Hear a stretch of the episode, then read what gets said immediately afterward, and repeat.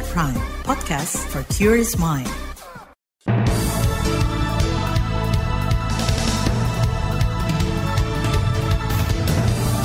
Selamat pagi saudara, senang sekali saya bisa menjumpai Anda melalui program Buletin Pagi edisi Rabu 3 Januari 2024 bersama saya Eka Juli.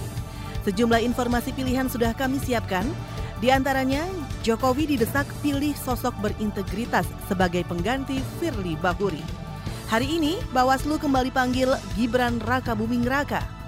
Anggaran subsidi pupuk bakal ditambah. Dan inilah Buletin Pagi selengkapnya. Terbaru di Buletin Pagi. Saudara publik menanti calon pengganti Firly Bahuri yang telah diberhentikan dari jabatan ketua dan anggota Komisi Pemberantasan Korupsi KPK. Kalangan masyarakat sipil meminta Presiden Jokowi maupun DPR memilih sosok yang berintegritas untuk menggantikan Firly. Peneliti LSM Indonesia Corruption Watch atau ICW Diki Anandia mengatakan, pengganti Firly harus dipastikan punya rekam jejak yang bersih dan berintegritas. Menurutnya, jangan ada lagi pimpinan KPK yang melenceng dari nilai-nilai anti korupsi dan nir etika. Apalagi di tahun pemilu, potensi politisasi bakal makin besar. Sehingga menjadi penting di sini pimpinan KPK yang baru nantinya itu bisa bersikap kolektif kolegial untuk selayaknya apa selayaknya lembaga anti korupsi yang kemudian itu independen dan tidak terpengaruh pada kekuasaan mana pun. Peneliti ICW Diki Anandia juga menambahkan, pimpinan KPK pengganti Firly harus mampu membawa iklim kerja yang baik. Jangan sampai gaya kepemimpinan one-man show yang dipraktikan Firly kembali muncul di KPK. Saudara, ada empat nama yang bisa diajukan Presiden Jokowi sebagai pengganti Firly. Mereka adalah calon pimpinan KPK yang tidak terpilih dalam uji kepatutan dan kelayakan di DPR pada 2019 silam. Empat nama itu antara lain I Nyomanwara yang merupakan Inspektur Utama Badan Pemeriksa Keuangan BPK, Sigit Danang Joyo, pejabat Ditjen Pajak Kementerian Keuangan, Lutfi Jayadi Kurniawan, pendiri LSM Malang Corruption Watch, dan Robi Arya Brata, asisten deputi di Sekretaris Kabinet. Koordinator Staf Khusus Presiden Ari Dwi Payana mengatakan, usulan pengganti Firly Bahuri masih dalam proses. Ari memastikan pengajuan nama ke DPR dilakukan sesuai aturan. Sementara itu, Koordinator Masyarakat Anti Korupsi Indonesia atau MAKI, Boyamin Saiman menekankan Jokowi dan DPR harus memilih sosok yang mampu menghentikan keterpurukan KPK. Boyamin berharap penggantian Firly Bahuri bakal sanggup mengembalikan muruah lembaga anti rasuah. Yang dalam kasus itu kan misalnya Pak Firly dulu kan udah ditentang habis-habisan, tapi tetap dipilih kan gitu. Hasilnya seperti sekarang ini. Hmm. Nah itulah yang berharap dari ini dari empat orang ini mudah-mudahan ya belajar dari pengalaman Pak Firly nanti akan kerja fokus untuk meningkatkan daya saing KPK karena sekarang ini melawan Kejaksaan Agung aja seperti penonton sekarang ini dalam hal prestasi. Koordinator Masyarakat Anti Korupsi Indonesia atau MAKI, Boyamin Saiman menyebut sosok Inyo Manuara paling tepat menggantikan Firly Bahuri. Pejabat di BPK itu dinilainya sebagai sosok yang sudah teruji mental dan integritasnya. Aspirasi juga datang dari komunitas Indonesia memanggil 57 institut atau IM 57 plus. Pemilihan pengganti Firly menurut mereka harus dilakukan transparan jangan sampai ada kepentingan politik yang menunggangi. Berikut pernyataan Ketua IM 57 Plus, M. Praswat Nugraha. Dari keempat ini kami uh, dari yang lima tujuh itu tentu saja mendukung Bapak Presiden bisa sebagai kewenangannya ya bisa memilih yang terbaik dari empat itu berdasarkan rekam jejak uh, terkaitan dia dengan uh, kontribusinya terhadap pemberantasan korupsi terus tidak pernah ter terlibat perbuatan tindak pidana dan pastinya track record yang bersangkutannya dalam karirnya masing-masing. Ketua Komunitas Indonesia memanggil 57 institut atau IM 57 Plus, M. Praswat Nugraha, juga mengingatkan status KPK harus independen sebagai penegak hukum. Belakangan menurutnya, independensi itu yang diduga sengaja dihapus, sehingga berakibat kinerja KPK terus memburuk. Sementara itu, Komisi Pemberantasan Korupsi KPK menyerahkan keputusan soal pengganti Firly Bahuri kepada Presiden Jokowi dan DPR. Juru bicara KPK Ali Fikri menekankan, siapa pun yang terpilih, lembaganya siap bekerja melanjutkan pemberantasan korupsi di tanah air. Ya tentu terkait dengan pergantian pimpinan itu mekanisme sebagaimana di ketentuan Undang-Undang KPK ada mekanisme yang berjalan di sana eh, tentu sepenuhnya menjadi kewenangan dari Presiden dan nanti DPR untuk memilihnya. Itu tadi juru bicara KPK Ali Fikri. Saudara Gibran Raka Buming Raka hari ini bakal dimintai keterangan terkait dugaan kampanye bagi-bagi susu. Informasinya kami hadirkan sesaat lagi, tetaplah di Buletin Pagi.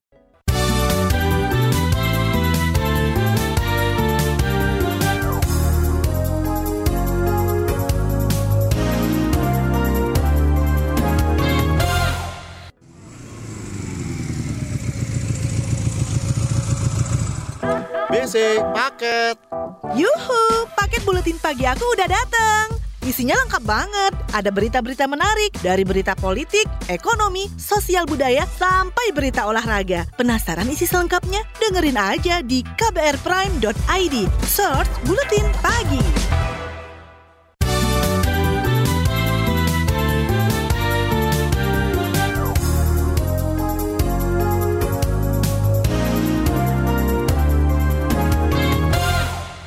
Saudara Badan Pengawas Pemilu atau Bawaslu hari ini memanggil ulang calon wakil presiden nomor urut 2 Gibran Raka Buming Raka. Gibran akan dimintai klarifikasi atas dugaan pelanggaran kampanye membagi-bagikan susu saat hari bebas kendaraan di Jakarta. Menurut Koordinator Divisi Penanganan Pelanggaran dan Data Informasi Bawaslu Jakarta Pusat, Dimas Trianto Putro, ada temuan fakta baru dari hasil pemeriksaan terhadap sejumlah pihak. Mungkin beliau juga sibuk kan.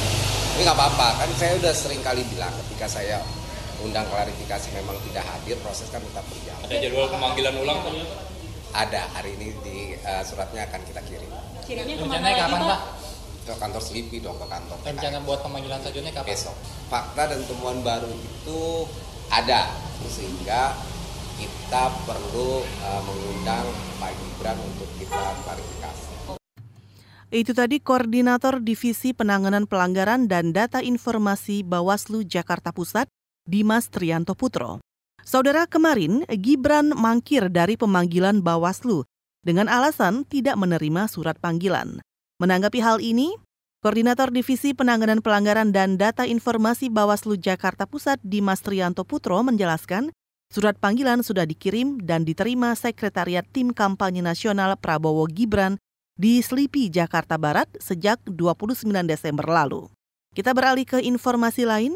Presiden Joko Widodo bakal menambah anggaran subsidi pupuk tahun ini sebesar 14 triliun rupiah. Tambahan anggaran subsidi itu sudah diajukan dan tinggal menunggu persetujuan DPR. Sehingga di 2024 ini saya sudah ngomong ke Menteri Keuangan agar subsidi pupuk ditambahkan senilai angka hitung-hitungan kita 14 triliun harus ditambah.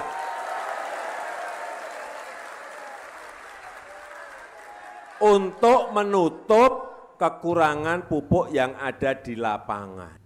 Presiden Jokowi menambahkan, tambahan anggaran subsidi pupuk ditargetkan terrealisasi pada semester kedua tahun ini. Jokowi juga memastikan stok pupuk subsidi untuk semester pertama ini sudah cukup. Saudara, arus balik Natal dan Tahun Baru Selasa kemarin terpantau kondusif. Ini disampaikan juru bicara Kementerian Perhubungan Adita Irawati. Menurutnya, sejumlah skema rekayasa lalu lintas sudah tidak diberlakukan, termasuk lawan arus dan satu arah, khususnya di tol Trans Jawa. Sudah dilakukan beberapa skema rekayasa lalu lintas dan pada tanggal 1 kemarin juga sudah diterapkan selain adanya kontraflow juga sudah diberlakukan one way khususnya di ruas tol eh, ruas tol di uh, Trans Jawa. Uh, juga demikian dilakukan di secara lokal di beberapa ruas tol yang ada di daerah dan ini terbukti efektif untuk mengurai kemacetan.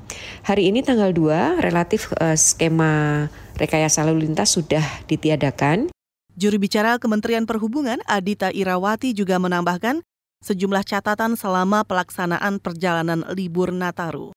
Di antaranya penanganan kemacetan di jalan tol Jawa dan Bali, serta pengendalian kepadatan pengunjung di rest area. Menurutnya, mayoritas kecelakaan yang terjadi sepanjang libur Nataru karena faktor kelalaian. Kita beralih ke berita ekonomi. Pemerintah memastikan kenaikan gaji ASN atau PNS akan dibayar penuh mulai bulan ini. Kepastian itu disampaikan Menteri Keuangan Sri Mulyani meski payung hukumnya belum terbit.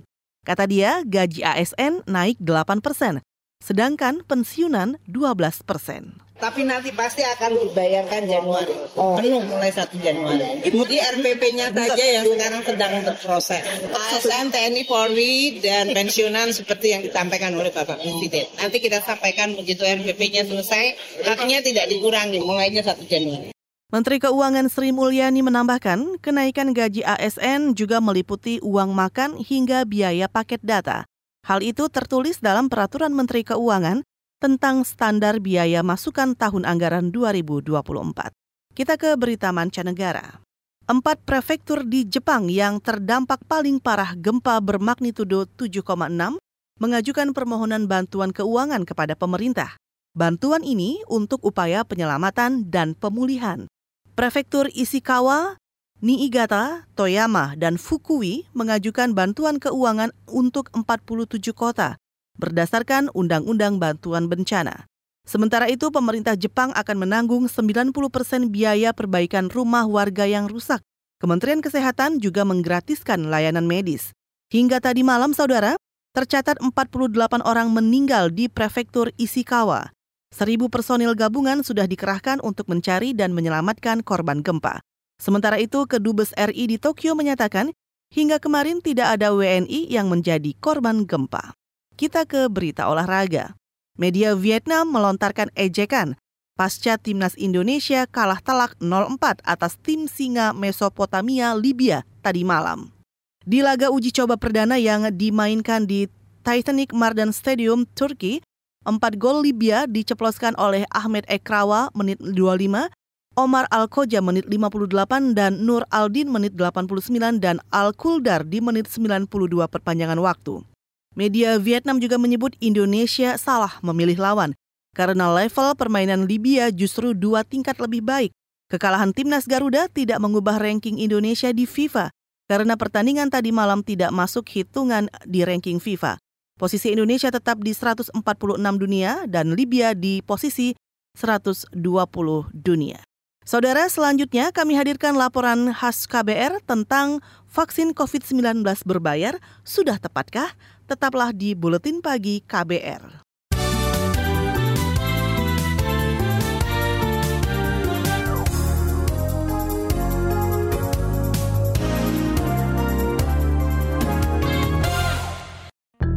Buat kamu yang always hektik, apalagi di kantor yang toxic, working gak ending-ending, ditambah si bos yang grumpy, bikin salty. Apaan tuh artinya, Neng? Artinya si bos cerewet dan bikin bosen. Oh. Join yuk di KBR Pagi, siaran pagi radio paling update, menghadirkan berbagai informasi yang paling update dan terkini, ditambah playlist yang lit and chill. Apaan lagi ini artinya, Neng? Ih, rese. Artinya keren dan menyenangkan. Oh iya iya. Simak KBR Pagi setiap Senin sampai Jumat, mulai pukul 7 pagi, di radio jaringan KBR dan podcast kbrprime.id.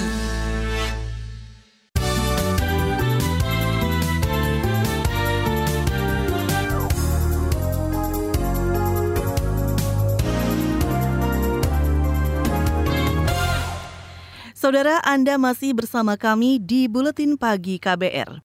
Saatnya kita simak laporan khas KBR. Mulai awal tahun ini, pemerintah memperlakukan vaksin COVID-19 berbayar atau mandiri untuk umum. Vaksin gratis hanya diberikan kepada kelompok tertentu. Kebijakan ini mendapat sorotan. Vaksin berbayar dikhawatirkan akan semakin mengurangi keinginan masyarakat untuk melaksanakan vaksinasi. Nah, bagaimana masyarakat menanggapi kebijakan vaksin COVID-19 berbayar? Berikut laporan khas KBR yang disusun Heru Haitami. Pemerintah menyatakan program vaksin COVID-19 tidak lagi gratis dan diubah menjadi jenis vaksin mandiri atau berbayar. Vaksin berbayar mulai berlaku 1 Januari 2024.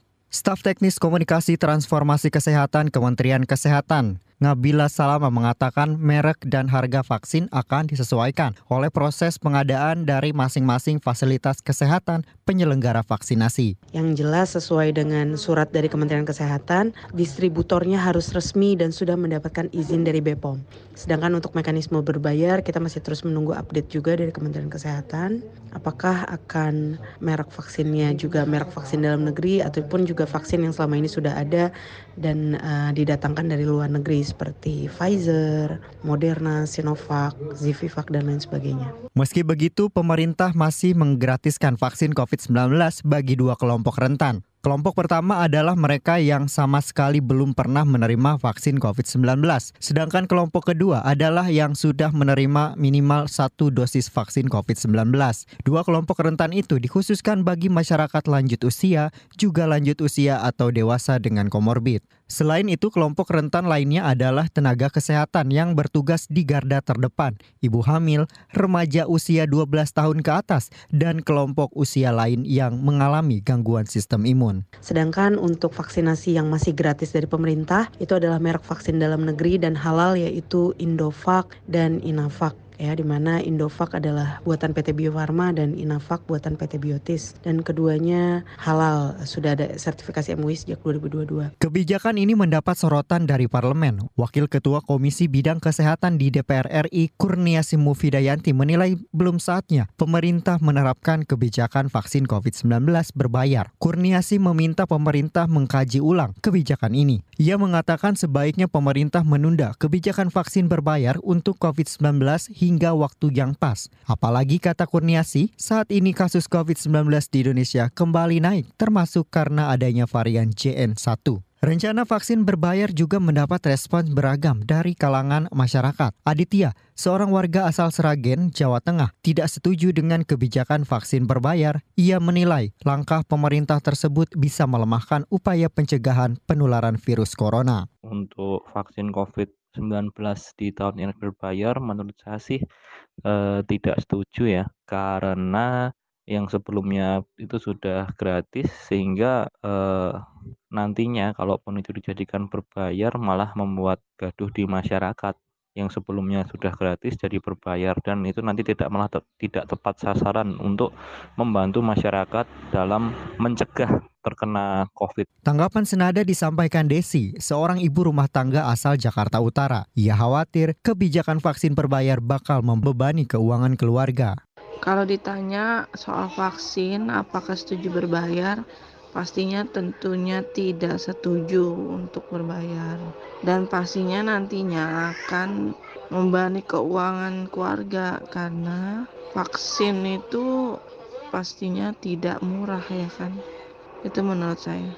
Pastinya akan membebani keuangan keluarga karena vaksin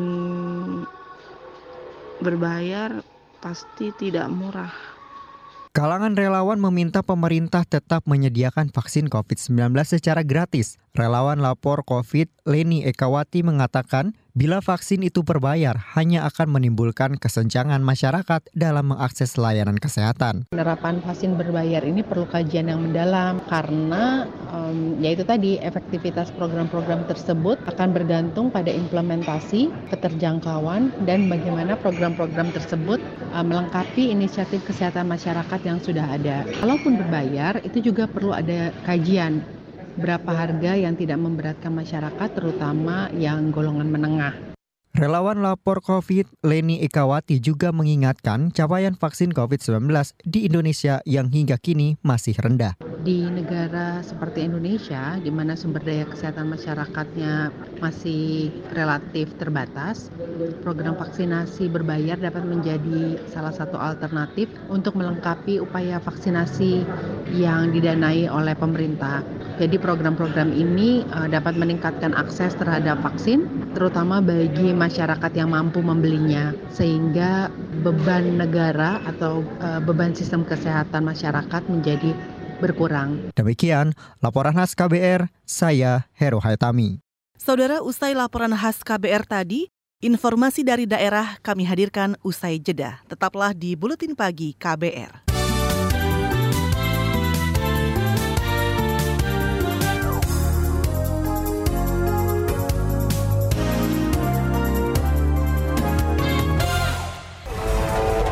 Anda sedang mendengarkan program Saga Produksi KBR. Dia mau nyium saya juga nyari. Kita harus ramai-ramai-ramai-ramai semua pakai kain. Sekolah lansia merupakan upaya untuk memperpanjang usia sehat. Kisah-kisahnya menarik kan? Dengarkan kisah-kisah selengkapnya hanya di Saga. Cerita tentang nama, peristiwa, dan fakta. Selain kisah-kisah inspiratif, Saga juga menghadirkan liputan mendalam yang dikemas menarik dengan kualitas jurnalistik terbaik.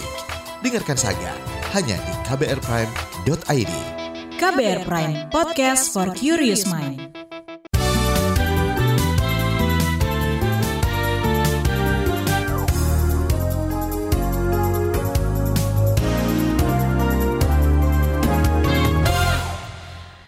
Saya Eka Juli masih bersama Anda di Buletin Pagi KBR. Saatnya kami sampaikan berita dari daerah. Kita awali dari Jawa Tengah. Para petani di Rembang diduga menjual bibit-bibit tanaman bantuan pemerintah. Ini lantaran bantuan diberikan tidak tepat waktu. Informasi selengkapnya kami simak atau kami sampaikan bersama reporter radio jaringan Musyafa dari Radio R2B Rembang. Penyaluran bantuan benih kepada petani harus tepat waktu dan tepat sasaran. Pasalnya, bantuan benih yang tidak tepat waktu mengakibatkan adanya bantuan justru dijual. Bupati Rembang Abdul Hafid mengaku mendengar masalah tersebut. Petani beralasan bantuan benih dibagikan pada saat masih musim kemarau sehingga kalaupun ditanam pasti akan mati. Daripada mati, akhirnya ada petani nekat menjual bantuan benih kepada pihak lain match antara keinginan pemerintah dan keinginan masyarakat. Ini perlu petugas kita harus peka terhadap kondisi yang ada di lapangan. Kulon itu mungkin kok berbeken Pak, wes tepat sasaran, tepat waktu nih loh Pak, yang penting. Bupati Rembang Abdul Hafiz pada tahun 2023 kemarin, Kabupaten Rembang memperoleh bantuan bibit padi, jagung, dan kedelai atau pajale dari pemerintah pusat 5.300-an hektar dan 1.000 hektar lebih dari pemerintah Provinsi Jawa Tengah. Bantuan tersebut diharapkan ada percepatan tanam dan perluasan lahan. Hanya saja yang menjadi kendala saat ini, curah hujan masih minim di Kabupaten Rembang. Musyafa, R2B Rembang melaporkan untuk KBR. Dari Jawa Tengah kita beralih ke Jawa Barat. Sedikitnya 18 rumah dan satu masjid di Kecamatan Tanjung Siang, Subang rusak akibat gempa susulan bermagnitudo 4,5 di Kabupaten Sumedang Senin malam lalu. Menurut Camat Tanjung Siang Subang, Agus Saifullah, bangunan-bangunan yang rusak terutama ada di Kampung Cikaramas, Cipetir, Patrol, dan Cikawung. Dari 18 rumah diprediksi ada sekitar Eh, delapan rumah yang mengalami rusak berat sehingga harus dievakuasi uh, untuk penghuni dievakuasi ke rumah yang lain sehingga dari beberapa rumah yang ada uh, ada yang rusak ringan dan rusak berat. Itu tadi Camat Tanjung Siang, Subang, Agus Saipullah.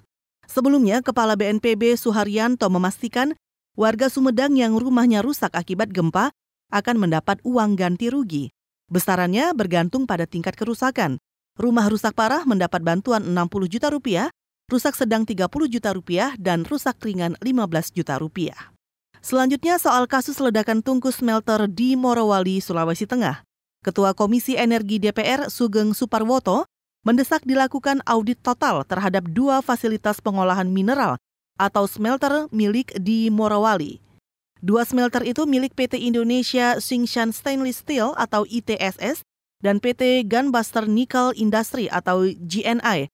Audit dinilai mendesak karena insiden kecelakaan kerja sudah beberapa kali terjadi di sana. Audit ekonomi, apakah betul smelter tersebut secara makro dan mikroekonomi memberikan sumbangan yang signifikan bagi uh, ekonomi di uh, di sekitarnya dan juga uh, tanah air pada khususnya dari aspek pendapatan negara sektor pajak dan pendapatan negara bukan pajak. Anggota DPR dari fraksi Nasdem Sugeng Suparwoto menambahkan, audit teknis juga harus dilakukan untuk memastikan mesin-mesin di smelter memenuhi standar fabrikasi. Selain itu, audit lingkungan untuk mengevaluasi emisi karbon atau polutan yang dihasilkan. Kebakaran dan ledakan tungku smelter milik PT ITSS menewaskan 21 pekerja lokal maupun asing, sedangkan kebakaran di PT GNI tidak menimbulkan korban jiwa. Saudara informasi tadi menutup jumpa kita di Buletin Pagi. Pantau terus informasi terbaru melalui kabar baru, situs kbr.id, Twitter atau X kami di akun @beritaKBR serta podcast di alamat kbrprime.id. Akhirnya saya Eka Juli bersama tim yang bertugas undur diri. Salam.